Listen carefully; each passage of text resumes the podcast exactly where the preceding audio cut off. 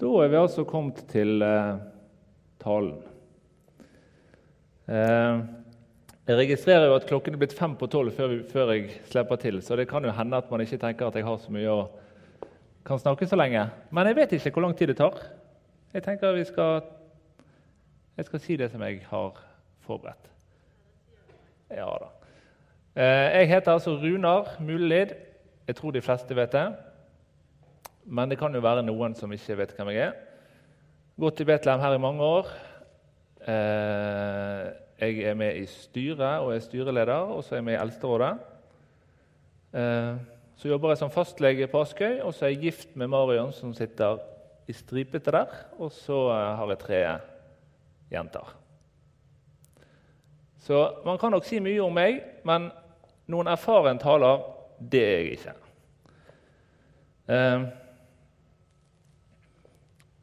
Vi hadde en liten eh, prat hjemme for noen uker siden med familien og med barna. og Så fortalte jeg en historie om en mann som hadde opplevd veldig tydelig at Gud hadde talt til ham.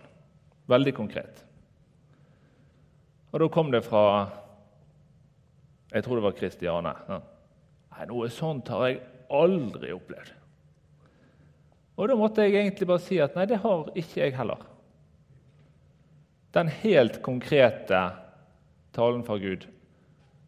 Men jeg har kjent over tid at det har vokst fram en slags overbevisning om visse ting som jeg bør prioritere, og visse ting som jeg bør gjøre i, mitt kristne liv. Og en av de tingene har egentlig vært at jeg kanskje føler at jeg skal begynne å tale litt. Eh, jeg hadde tenkt å øve meg litt først.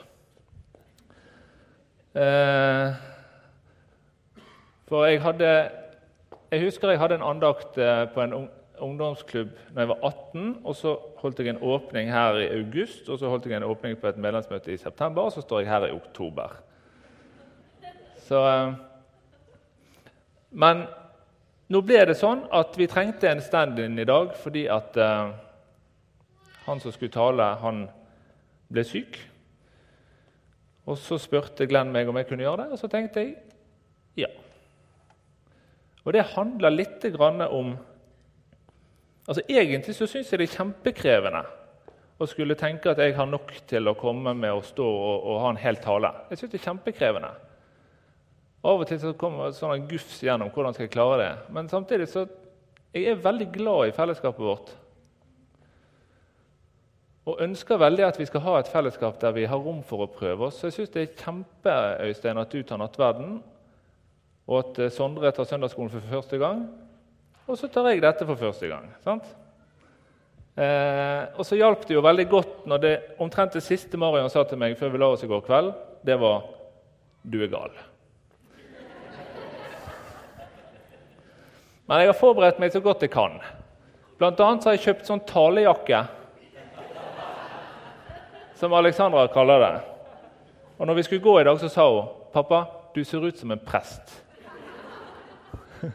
Problemet med denne jakken her var at den var kjøpt i et veldig sånn dårlig matematisk øyeblikk på Kastrup flyplass, der jeg fullstendig bommet på omregningen av kursen. Så hvis prisen på jakken sier noe om kvaliteten på talen, så blir det bra. Um, og så lurer jeg på om jeg har gjort det litt vanskelig for meg sjøl i, i, forhold til valg av tema. Men jeg tenker kanskje at uh, av og til så må vi tale litt om det man har tenkt på, og det man føler at man har fått på hjertet. Uh, jeg skal snakke om det å være menneske, om det å få lov til å være menneske og kristen samtidig. Uh, og, og, det å ha menneskelige følelser og, og sånn. Og jeg tror kanskje ikke at alle vil føle at dette når helt inn direkte til at dette er like aktuelt for alle, men jeg tror kanskje at det allikevel er noe vi skal snakke om. Yes. Da har jeg lyst til at vi skal be litt først. Kjære Jesus, nå kommer vi fram for deg.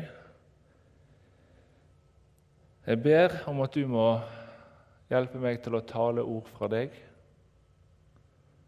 Jeg ber om at hvis jeg si som, hvis jeg har tenkt å si noe som ikke er fra deg, så ber jeg om at du må hjelpe meg til å hoppe over det. Så ber jeg for de som er i salen og skal høre på, at du må åpne hjertene deres og tale rett inn i livene deres. Vi ønsker å prise og ære deg. Amen.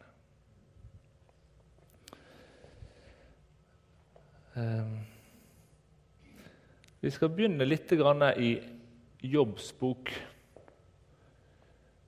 Eh, og det er jeg veldig glad for, Ingrid, at du hjelper til. Eh, et veldig fint vers eh, som jeg kom over i Jobbs bok, der Jobb sier altså eh, om Gud.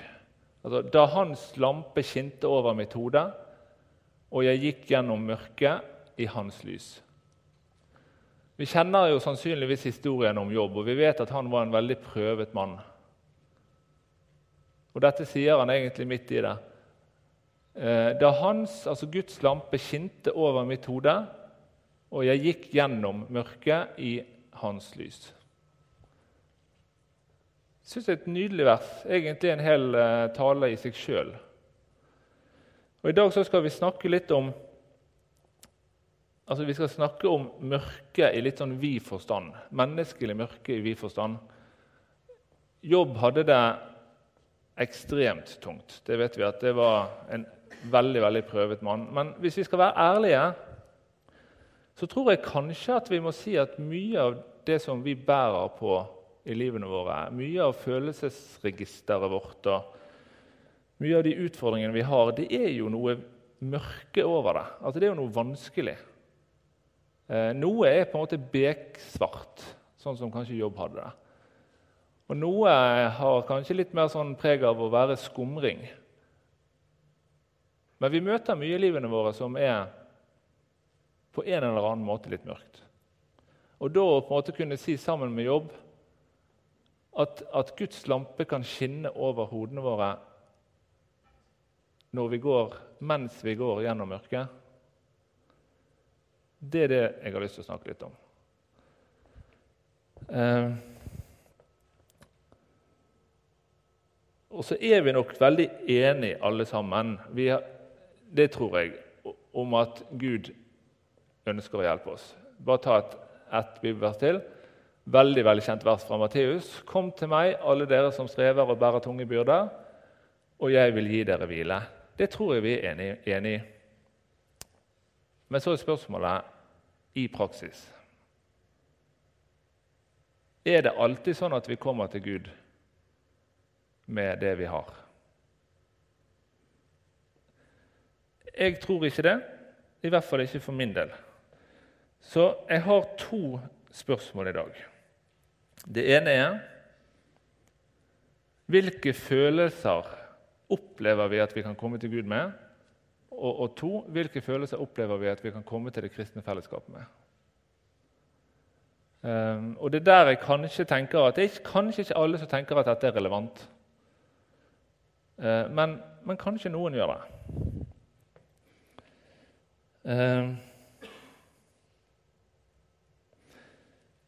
Filipperne 4,4. Vi er vant til å høre 'Gled dere i Herren', igjen vil jeg si gled dere. Nydelig vers, det òg. Kjemperiktig og kjempeviktig vers. Som handler om å på en måte få ja, virkelig oppleve den gleden i å, i å være frelst og være i, i, Gud. Men så er det følelsesmessige registeret mye større. Det er ikke sånn at jeg alltid går og tenker at jeg gleder meg sånn nå tror jo jeg òg at den gleden der er en dypere glede, som er mer uavhengig av akkurat hva vi opplever rundt oss. Men i hvert fall i hverdagen så går ikke jeg alltid og gleder meg. Jeg har andre følelser òg. Og det jeg ønsker at vi skal bruke litt tid på, er at vi skal se på at Gud og Bibelen rommer det spekteret der. Ehm, det er ikke bare altså Bibelen rommer det å være vanlig menneske. Og, og for, for, Grunnen til at jeg vil snakke om det, er at jeg tror at hvis, hvis, ikke, hvis det ikke går opp for oss at Gud rommer oss som vanlige mennesker med alt vi har, så er det ve veldig lett for at vi kan holde Gud litt på avstand. I hvert fall fra deler av, de deler, delene av livet vårt som er vanskelig. Så lar vi han gjerne komme innpå der vi føler det går greit. Men jeg tror ikke det er sånn det skal være. Eh, er det f.eks. lov å være sint? Er det lov å være sint på Gud? Er det lov å være lei seg? Er det lov å tvile? Eh, hva gjør vi når vi liksom skuffer oss sjøl eh, og føler at vi skuffer Gud? Hva gjør vi når andre skuffer oss? Hva gjør vi når vi er ensomme? Um, syns det var veldig fint når Bibelen sang 'Selv når jeg tviler, vil Han alltid være der'. Noe sånn cirka det. Og Det går egentlig inn i det som jeg har lyst til å si. Uh, spørsmålet mitt er altså Når vi har alle disse følelsene, holder vi det for oss sjøl, eller tillater vi oss å komme til Gud med det? og tillater vi å komme det til hverandre med det. Ja, så hva kan vi da komme til Gud med? Det som er så fint med Bibelen, er at han rommer hele dette spekteret. Og Bibelen inneholder masse historier om helt vanlige mennesker som slet med akkurat det samme følelsesmessige registeret som vi har. De var sint, de var sur, de tvilte, de var ensomme. De skuffa seg sjøl, de, de, følte at de skuffa Gud. Eh, vi kjenner historien om, om eh, Moses som tenk, tenkte at han ikke hadde det i seg som han trengte for å gjøre den oppgaven som Gud ville at han skulle gjøre. Sara og Abraham, som var barnløse. Eh, David som stjal konen fra en annen. Eh, vi hadde Peter som eh, fornektet Jesus. Vi hadde Judas som forrådte Jesus. Vi hadde Jesus som var så redd at eh, svetten rant som blod. Og Vi har en egen bok i, i, Bibelen som heter 'Klagesangene'. Og Bare det at Gud tillater at det er en bok i Bibelen som heter 'Klagesangene', det sier meg noe om at han, det er rom for oss. Um, vi skal gå litt til Salmenes bok, for det er jo kanskje en av de bøkene i Bibelen som i størst grad eh, rommer dette her menneskelige. Eh, jeg har prøvd å bruke litt tid i Salmenes bok i det siste. Jeg er jo involvert i forsangertjeneste her, og så har jeg tenkt litt det at, at eh, Salmenes bok er jo kanskje et sted vi kan hente inspirasjon for å på en måte tenke hva, hva er det liksom sangen skal inneholde? Og sånn når, Jeg er ikke kommet så kjempelangt, da, men, eh, men eh, det som slår meg så veldig når jeg leser salmene, litt sånn strukturert fra salme 1 og utover, det er jo at det, det virker så veldig kjent. Og så er det jo skrevet for 3000 år siden, liksom. Eh, men jeg kjenner meg igjen i akkurat det de skriver. Eh, og i, det menneskelige uttrykket som, som er der. Så Jeg leser tre, bitte lite grann fra tre salmer som eh, viser oss litt av dette. her. Salme 5. Herre, hør mine ord, lytt til min klage. Hør mitt rop om hjelp, min konge og min Gud, for jeg ber til deg. Så går vi videre til Salme 6.: Vær meg nådig, Herre, for jeg er svak. Helbred meg, Herre. Kroppen skjelver av redsel.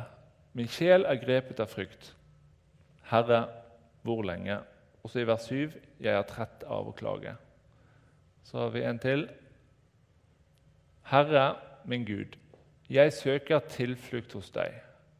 Frels meg og berg meg fra alle som jager meg. Nå blir nok ikke vi jaget på samme måten som David. Men det var litt interessant, for når jeg satt på dette, her, så så jeg på programmet til Betlehem så så jeg på tema for YA forrige fredag. Og de hadde temaet 'jaget'.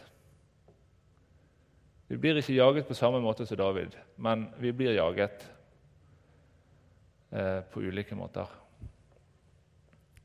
Um, det fins 150 salmer. Når jeg har lest fra tre av dem, så har vi helt bevisst ikke valgt lenger enn til Salme 7. Bare for å vise at eh, det er mye menneskelighet i salmene. Eh, men det som er så fint med salmene, det er det at det er så mye menneskelighet og det er så mye elendighet. på en måte, Og det er så mye engstelse og frykt og sinne og tvil og alt.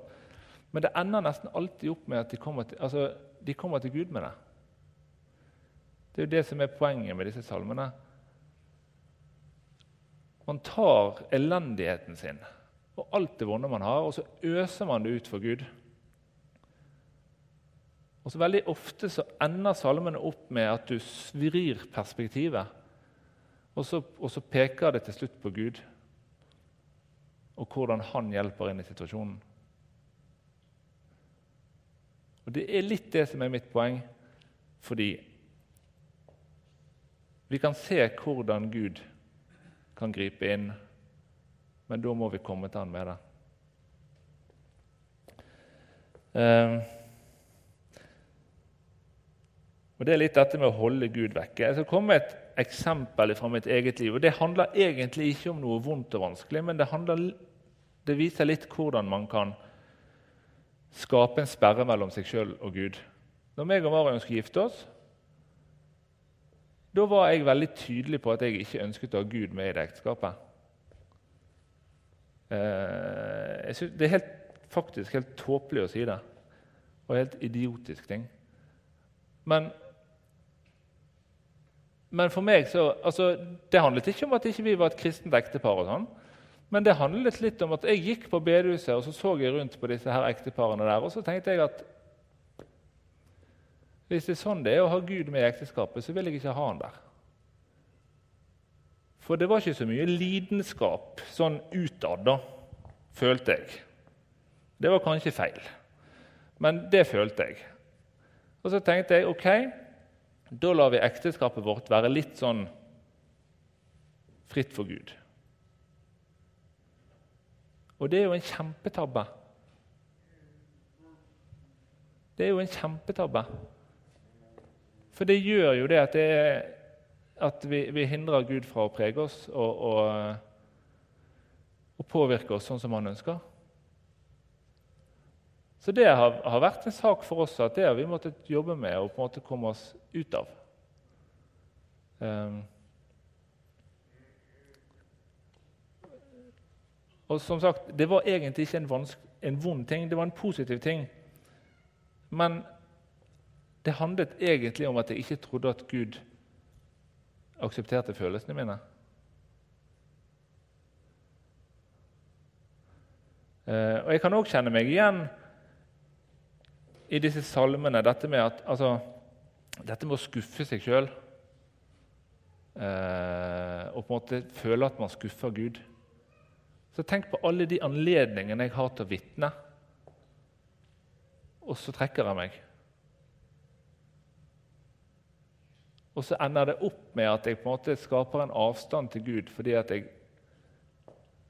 jeg tenker at jeg skuffer Gud òg, i stedet for at jeg går til Gud og sier at 'du må hjelpe meg'. Men dere ser den der, sant? at uh, våre følelser hvis vi tenker at vi ikke klarer å ta Gud inn i det, så skaper det en avstand. Mens det som de som har skrevet salmene, gjør De hadde akkurat de samme følelsene, men, men de gikk til Gud med dem. Og de, Man får en sånn følelse av at de, de visste at Gud aksepterte det de kom med. Og så ender det gjerne opp med som sagt i slutten av salmene, At, at uh, man vrir fokuset mot Gud og det han har å gi oss. Um, og Bibelen har flere fine eksempler på hvordan man kan gjøre det annerledes. Uh, vi kjenner alle historien om Peter, som fornektet Jesus. Peter som var kjepphøy, og som var den som man skulle tro klarte å stå i det. Som sa at 'jeg kommer aldri til å fornekte det, Jesus'. Og så går han skikkelig på trynet, og så fornekter han Jesus tre ganger. Og så tenker jeg han må ha vært skuffet. Det står jo det at han gråt. Altså, han må jo ha vært enormt skuffet over seg sjøl. Og han må jo ha tenkt at han skuffet Jesus noe veldig. Og så vet vi at, Peter, at Jesus viste seg for disiplene igjen etter eh, at han hadde stått opp igjen. Men så kommer det til en gang der han viser, viser seg for dem ved Genesaretsjøen. Eh, og det virker ut ifra sammenhengen som at dette var ikke helt ferdig, at de var ikke helt ferdig med saken. Og, og Settingen er altså at Jesus viser seg på, på eh, strandkanten, er det det det heter? Og Peter og disiplene var ute i båten og fisket. Og så sier altså Johannes Han gjør de andre oppmerksom på at det er Jesus som står der inne. Og da kan vi få opp det bibelverset skal vi se hvordan Peter løste det. Han kunne jo på en måte sagt at nei, vi får dra ut og fiske lenger ute. Vi får trekke oss unna Gud. Men det gjorde han ikke. Da Simon Peter hørte at det var Herren, bandt han kappen om seg, den hadde han tatt av, og kastet seg i sjøen, og altså svømte inn til Jesus. De andre disiplene kom etter i båten og dro garnet med fisken etter seg. De var ikke langt fra land, bare omkring 200 alen. Han klarte ikke engang å vente til de hadde rodd inn til land for å møte Jesus. Kastet seg i sjøen, svømte inn. Og Bakgrunnen må jo være at han var skuffet. Han trengte jo på en måte nåde, han trengte tilgivelse. Og så ender det opp med den samtalen der, der Jesus spør Peter tre ganger om elsker du meg, og Peter får lov til å bekrefte for Jesus at du vet det, Jesus, jeg elsker deg. Og så vet vi hva som skjedde med Peter etter hvert. altså Den klippen han ble som på en måte menigheten ble bygd på. Men hadde Peter valgt annerledes, så hadde ikke det blitt sånn. Hvis han hadde bare gått og gjemt seg vekk. Det fins et annet eksempel fra samme historie. Vi vet Judas som forrådte Jesus. Han valgte en annen vei. Nå gjorde han sannsynligvis det før han skjønte at Jesus hadde stått opp igjen, men allikevel. Han, han angret like mye. Det står han angret, han kastet sølvpengene tilbake. Og så gikk han bort og tok livet av seg. Det er en forskjell på hvordan de velger å takle skuffelsen sin.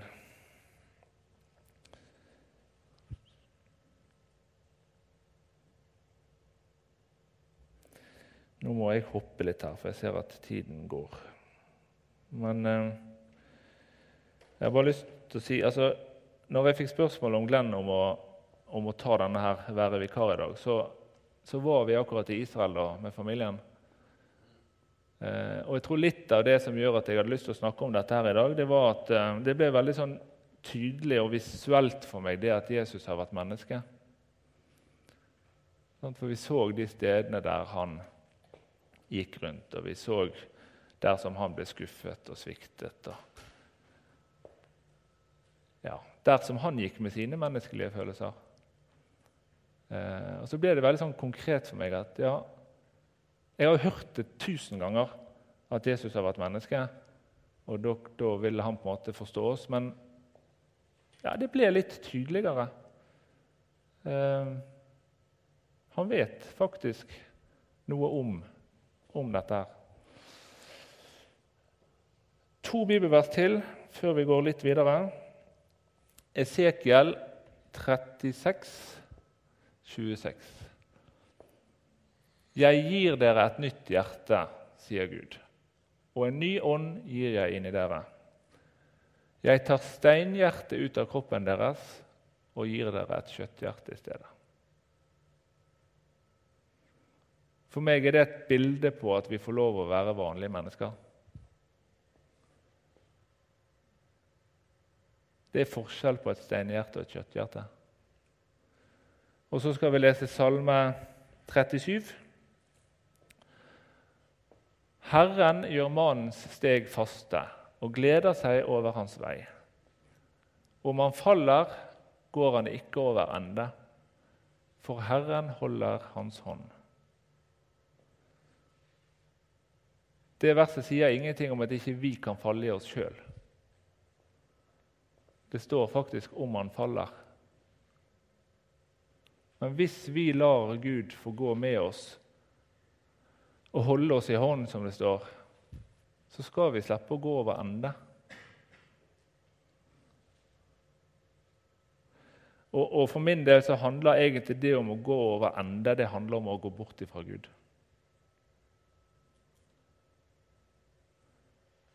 Men lar vi Gud få holde oss i hånden Selv om vi faller, så, er det ingen, så skal vi slippe å gå bort ifra Han. Um, yes. Over til neste punkt, som sannsynligvis må bli litt kortere enn jeg hadde tenkt. For det går litt på, altså Nå har vi snakket litt om hva, hva aksepterer Gud, og hva kan vi komme til Gud med. Men det er òg et, et veldig viktig spørsmål. Hva kan vi komme til det kristne fellesskapet med? Eh, for hvis ikke vi føler at det er rom for følelsene våre her, så vil vi òg slite med å forstå at det er rom for følelsene våre hos Gud lese et, eh, brev, et vers fra Filipperbrevet. Eh, første del av det verset har jeg hørt mange mange ganger. Men andre delen har jeg aldri tenkt over. Alt makter jeg i Ham som gjør meg sterk. Likevel gjorde det meg godt at dere sto sammen med meg da jeg var i nød. Viser veldig godt forholdet mellom, altså samspillet mellom Gud og menigheten i å ivareta oss kristne. Alt makter jeg i Ham som gjør meg sterk. Likevel gjorde det meg godt at dere sto sammen med meg da jeg var i nød. Eh, kanskje det mest konkrete jeg har opplevd i forhold til å føle der, den enorme styrken i det kristne fellesskapet, det var for tolv år siden, når eh, Marion var gravid med Kristiane. Dette har dere sikkert hørt, eh, mange av dere, men det er lenge siden. Og Vi hadde forvilla oss ned på Kreta på sommerferie, og Marion ble alvorlig syk. Eh, og Da ble det satt i gang en Det var ikke noe vi satte i gang, men det var eh, vår gode venn Jarle her i Betlehem og min bror som begynte å sende tekstmeldinger. Og Dette var jo helt i starten av tekstmeldingenes ja, Eh, det var i starten av tekstmeldingene. Eh, og det endte opp med at det ble vi, vi, vi, fikk i hvert fall vite det at det var bed på bibelcamper, det var bed på bibelgrupper, det var bed i forsamlinger, det var bed av enkeltmennesker. Um, og Det ble faktisk lagd en sak i Dagen på akkurat det der etterpå der de prøvde å følge disse tekstmeldingene. Og De mente jo egentlig at man kunne nok kanskje tenke seg at den tekstmeldingen hadde gått til kanskje så mange som 1000 stykker. Og Da opplevde vi jo enormt det der å ha et kristent fellesskap i, i ryggen. Og vi opplevde ting der nede som vi ikke klarer å forklare på annen måte enn at Gud var med. F.eks. når vi skulle reise hjem, for vi endte opp med å, å fly hjem i ambulansefly. Eh, og min bror, som var kommet ned for å hjelpe oss, han eh, havnet på feil side av eh, sikkerhetskontrollen fordi vi kjørte ambulanse direkte på rullebanen og han kom i taxi. Og flyet måtte lette i løpet av et par minutter. Så kommer det en person bort til han og sier, spør om han trenger hjelp. 'Ja, jeg skulle vært på rullebanen', sier han. 'Ja, bli med'. Og så blir han geleidet gjennom hele flyplassen og gjennom sikkerhetskontroll og gjennom alt. Og det var ikke et menneske der. Ehm, Og når vi var på, Litt av hovedproblemet der var at vi, det var usikkert om det var trygt å fly, eller om det kunne sette livet til Marion i fare. Og eh, Det som skjedde, var jo at når vi kom på flyplassen der, så var alt nesten bra. Og flyturen gikk kjempefint. Og, eh, og vi begynte å lure på var dette bortkasta penger, eller var det egentlig unødvendig kom til Flesland, og jeg dro hjem og la meg til å sove. og Marion ble kjørt på Haukeland. Og så blir jeg vekket dagen etterpå av telefonen av at hun, fra Haukeland om at hun var bevisstløs igjen.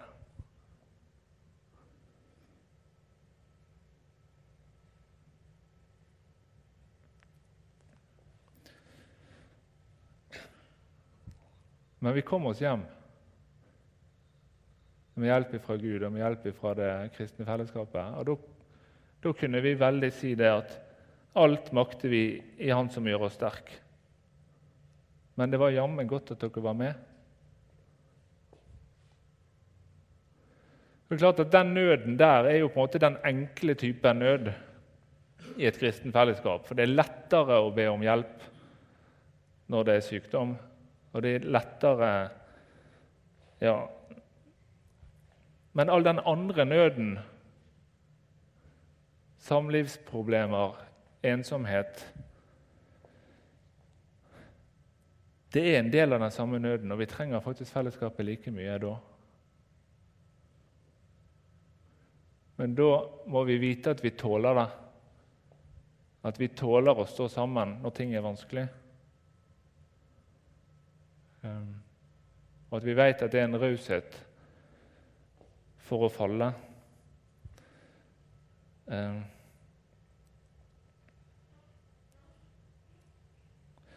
Jeg har lest en bok av en som heter Magnus Malm i det siste. Det vil si, jeg har ikke lest den, men jeg har lest en tredjedel, kanskje. Um, og Han beskriver bl.a. Han, ser, han sier at hvis du ser enkelte kristne fellesskap utenfra, så er det noen som bærer veldig preg av at de har for mye Gud og for lite mennesker. Mens andre, der, du, der, det kan se ut som at uh, du har rom for mye menneskelighet Hvis du ser litt nøyere på det, så er det egentlig bare rom for de gode menneskelige følelsene. sier han. Og så sier han selvfølgelig mye mer. Men det som er hele poenget hans, er bare det Det er aldri for mye Gud i en menighet. Men det kan være for lite menneskelighet. Um, og hvis det er for lite menneskelighet i en menighet, så skapes det avstand til Gud. Eh, jeg tenker det at jeg er nok nødt til å avslutte nå. Eh, jeg skal bare prøve å svare på et spørsmål, og det er liksom hva er poenget mitt? Eh, og hva er det praktiske ut ifra dette her? Det er rett og slett at jeg ønsker at vi skal slippe å ha sånn såkalt søndagskristendom. Der vi lever livene våre gjennom ukene med de ja, for så vidt de gleder vi har, og de sorger vi har, og alt det som er der. Og så er Gud litt på avstand, for vi er usikre på om han tåler det. Og så kommer vi på møte på søndag, og så tar vi på en sånn godkjent maske. Og så smiler vi mer eller mindre sånn ærlig eller uærlig. Det ønsker jeg at vi skal slippe. Fordi jeg tror at det å være kristen handler om å leve med Gud hver dag. Når livet er godt, og når livet er vanskelig. Og Noe av det tristeste jeg hører om, det er når det går galt for folk. Og du hører at det har endt med at de har trukket seg unna Gud. For det må jeg si at opp gjennom mine år jeg har levd, så har jeg hørt altfor mange sånne historier om at det er noe som går galt.